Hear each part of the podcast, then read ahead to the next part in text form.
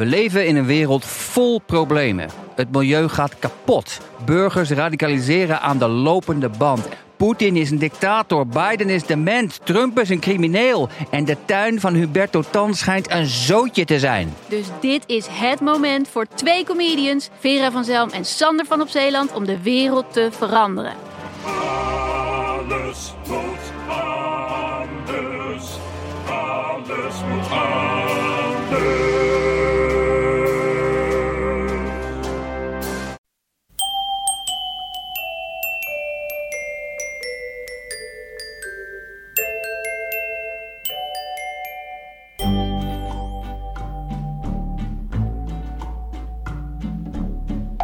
Welkom bij aflevering 238 van Echt Gebeurd. De podcast waarin waargebeurde verhalen worden verteld door de mensen die ze zelf hebben meegemaakt. In deze aflevering een verhaal dat Maarten van Buren op 23 januari vertelde toen onze Echt Gebeurd theatertour de stad Schouwburg in Utrecht aandeed.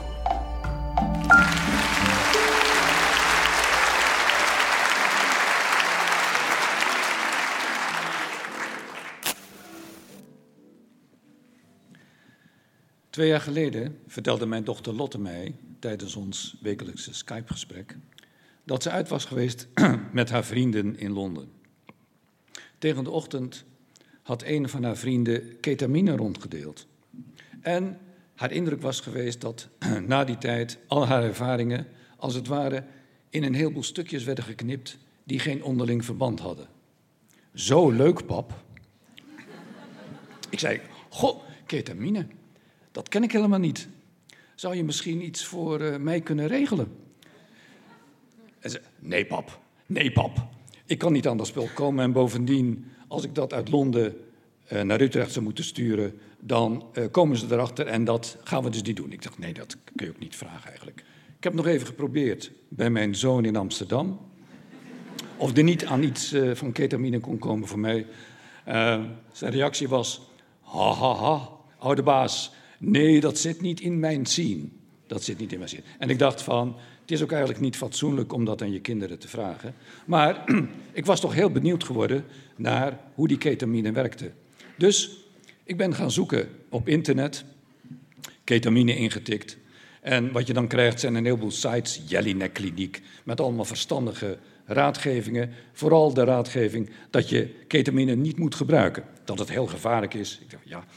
Um, maar ik wilde gewoon aan die ketamine komen. En dus de volgende dingen die je intikt is van ketamine kopen, buy ketamine. en dan moet je nog weer een aantal uh, uh, pagina's doorbladeren. Maar dan uiteindelijk kom je in een heel vaag gebied terecht.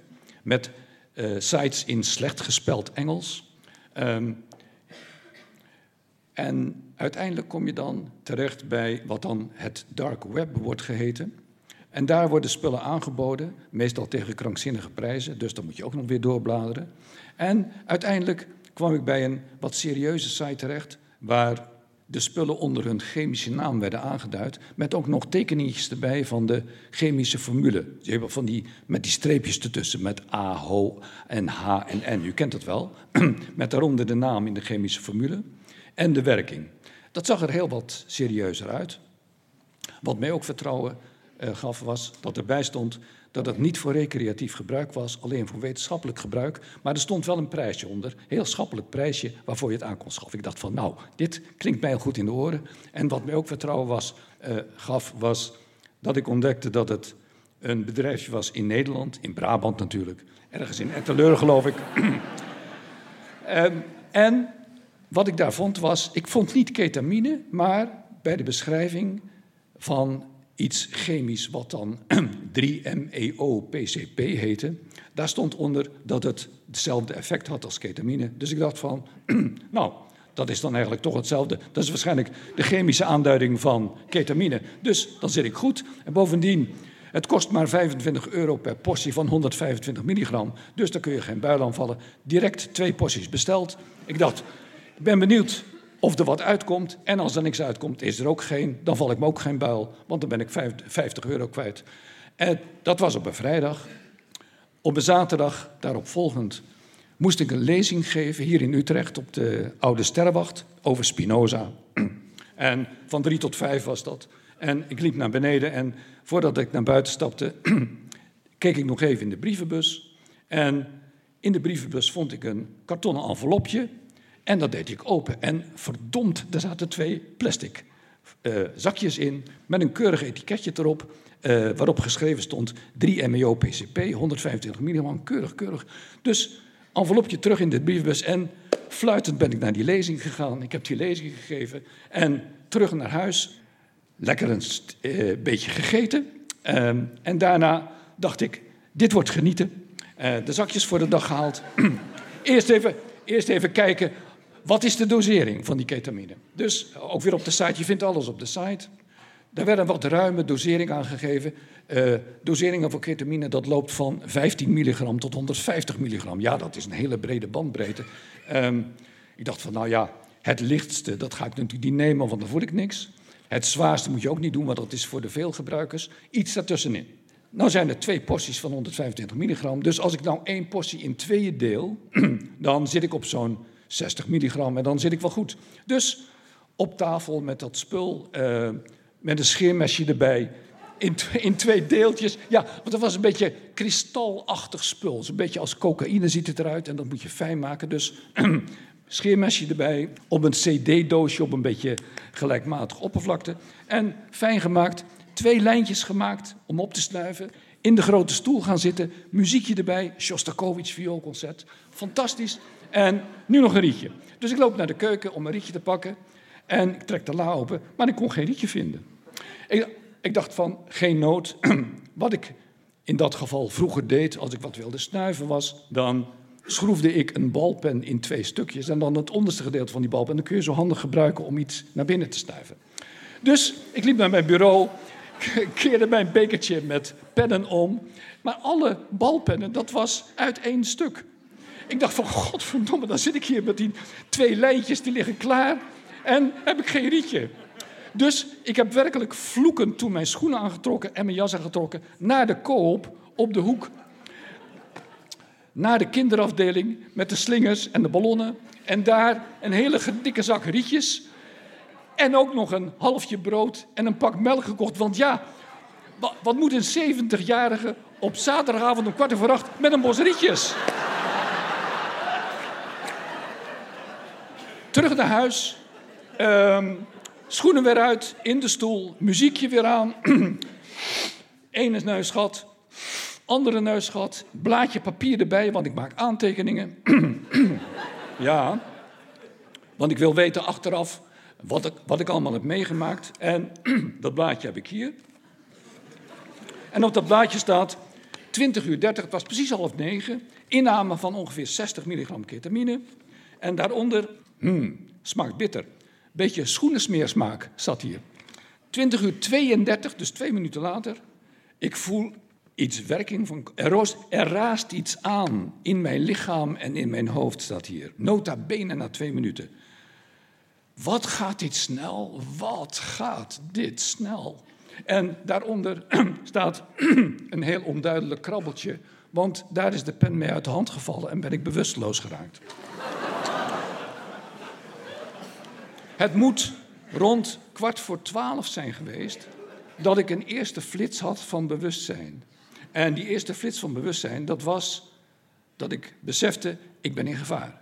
Dit is gevaarlijk. En toen ben ik weer buiten Westen gegaan.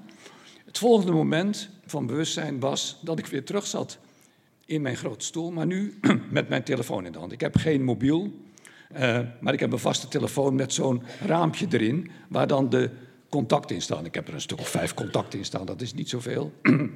en ik besefte toen dat ik maar één kans had eh, om iemand te bellen. En die iemand, dat was mijn vriendin, of liever gezegd mijn ex-vriendin Marlies. Die woont op niet eh, te ver afstand. En ik heb dus haar naam opgezocht in dat schermpje. en ik dacht van, het moet in één keer goed gaan. Haar nummer ingetikt. En nu is Marlies iemand die zaterdags werkt. En het laatste wat ze wil hebben op een zaterdag en op een zaterdagavond is wel een telefoontje van mij. En het mag dus een godswonder heten dat zij... Ze was al naar bed gegaan, vertelde ze me achteraf. Had bij toeval de telefoon naast haar bed gelegd. Had daar op het schermpje toen ik belde, gezien dat ik het was, had gedacht van nee, daar hebben we geen zin in.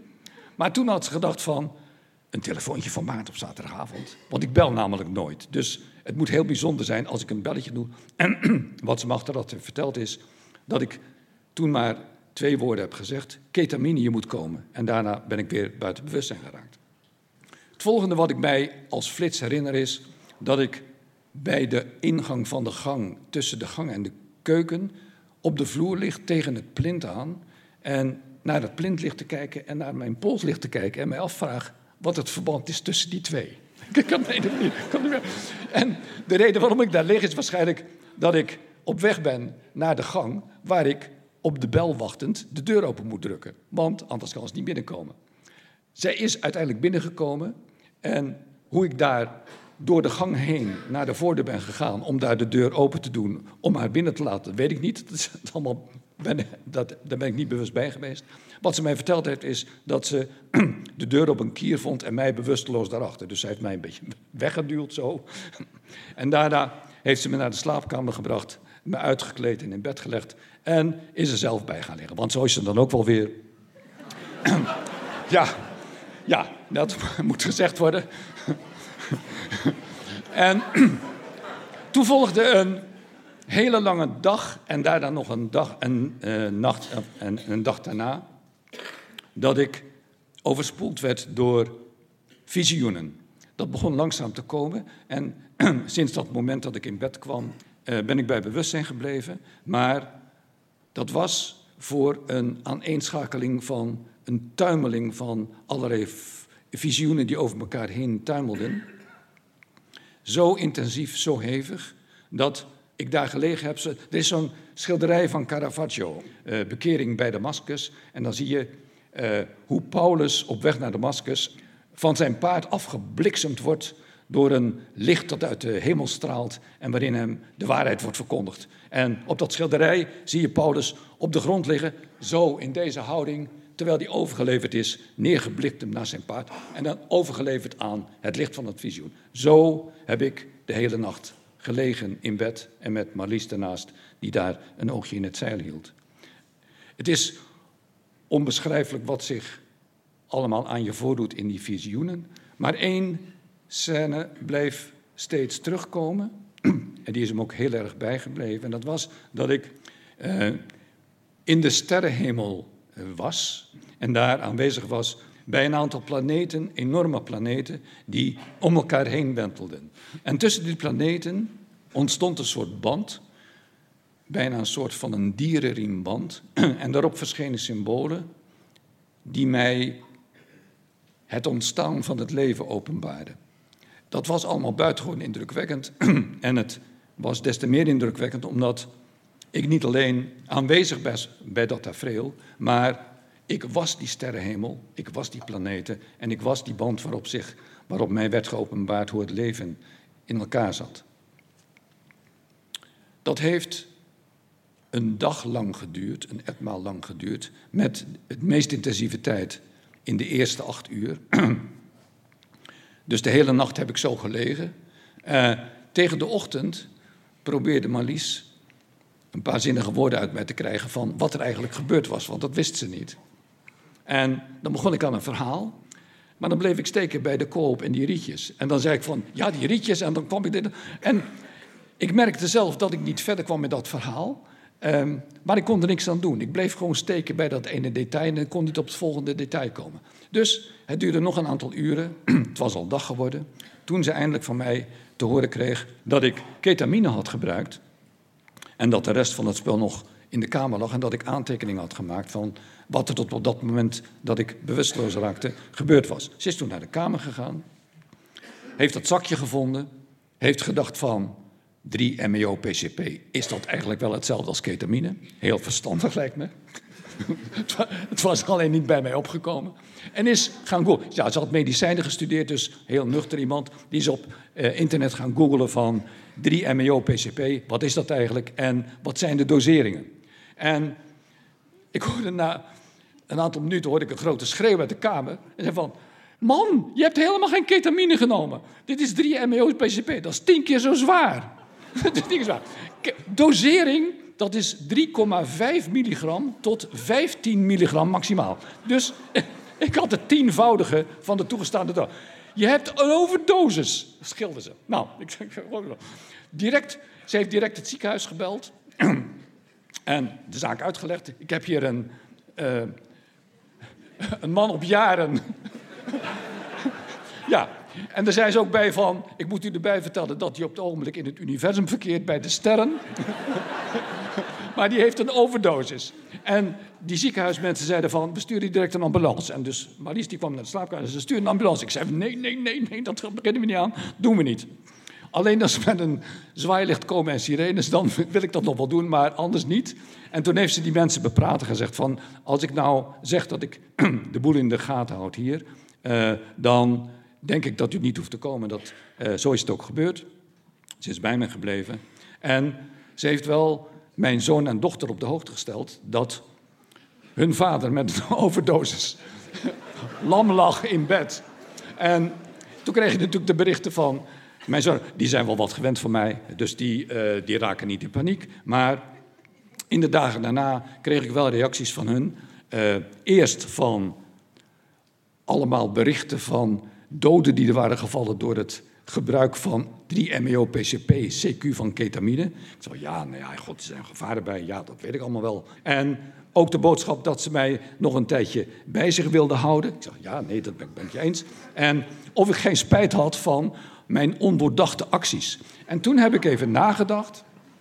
Toen heb ik even serieus nagedacht, want het is al te makkelijk om dan te zeggen van ja, je hebt gelijk, ik heb daar spijt van, maar dat had ik eigenlijk niet.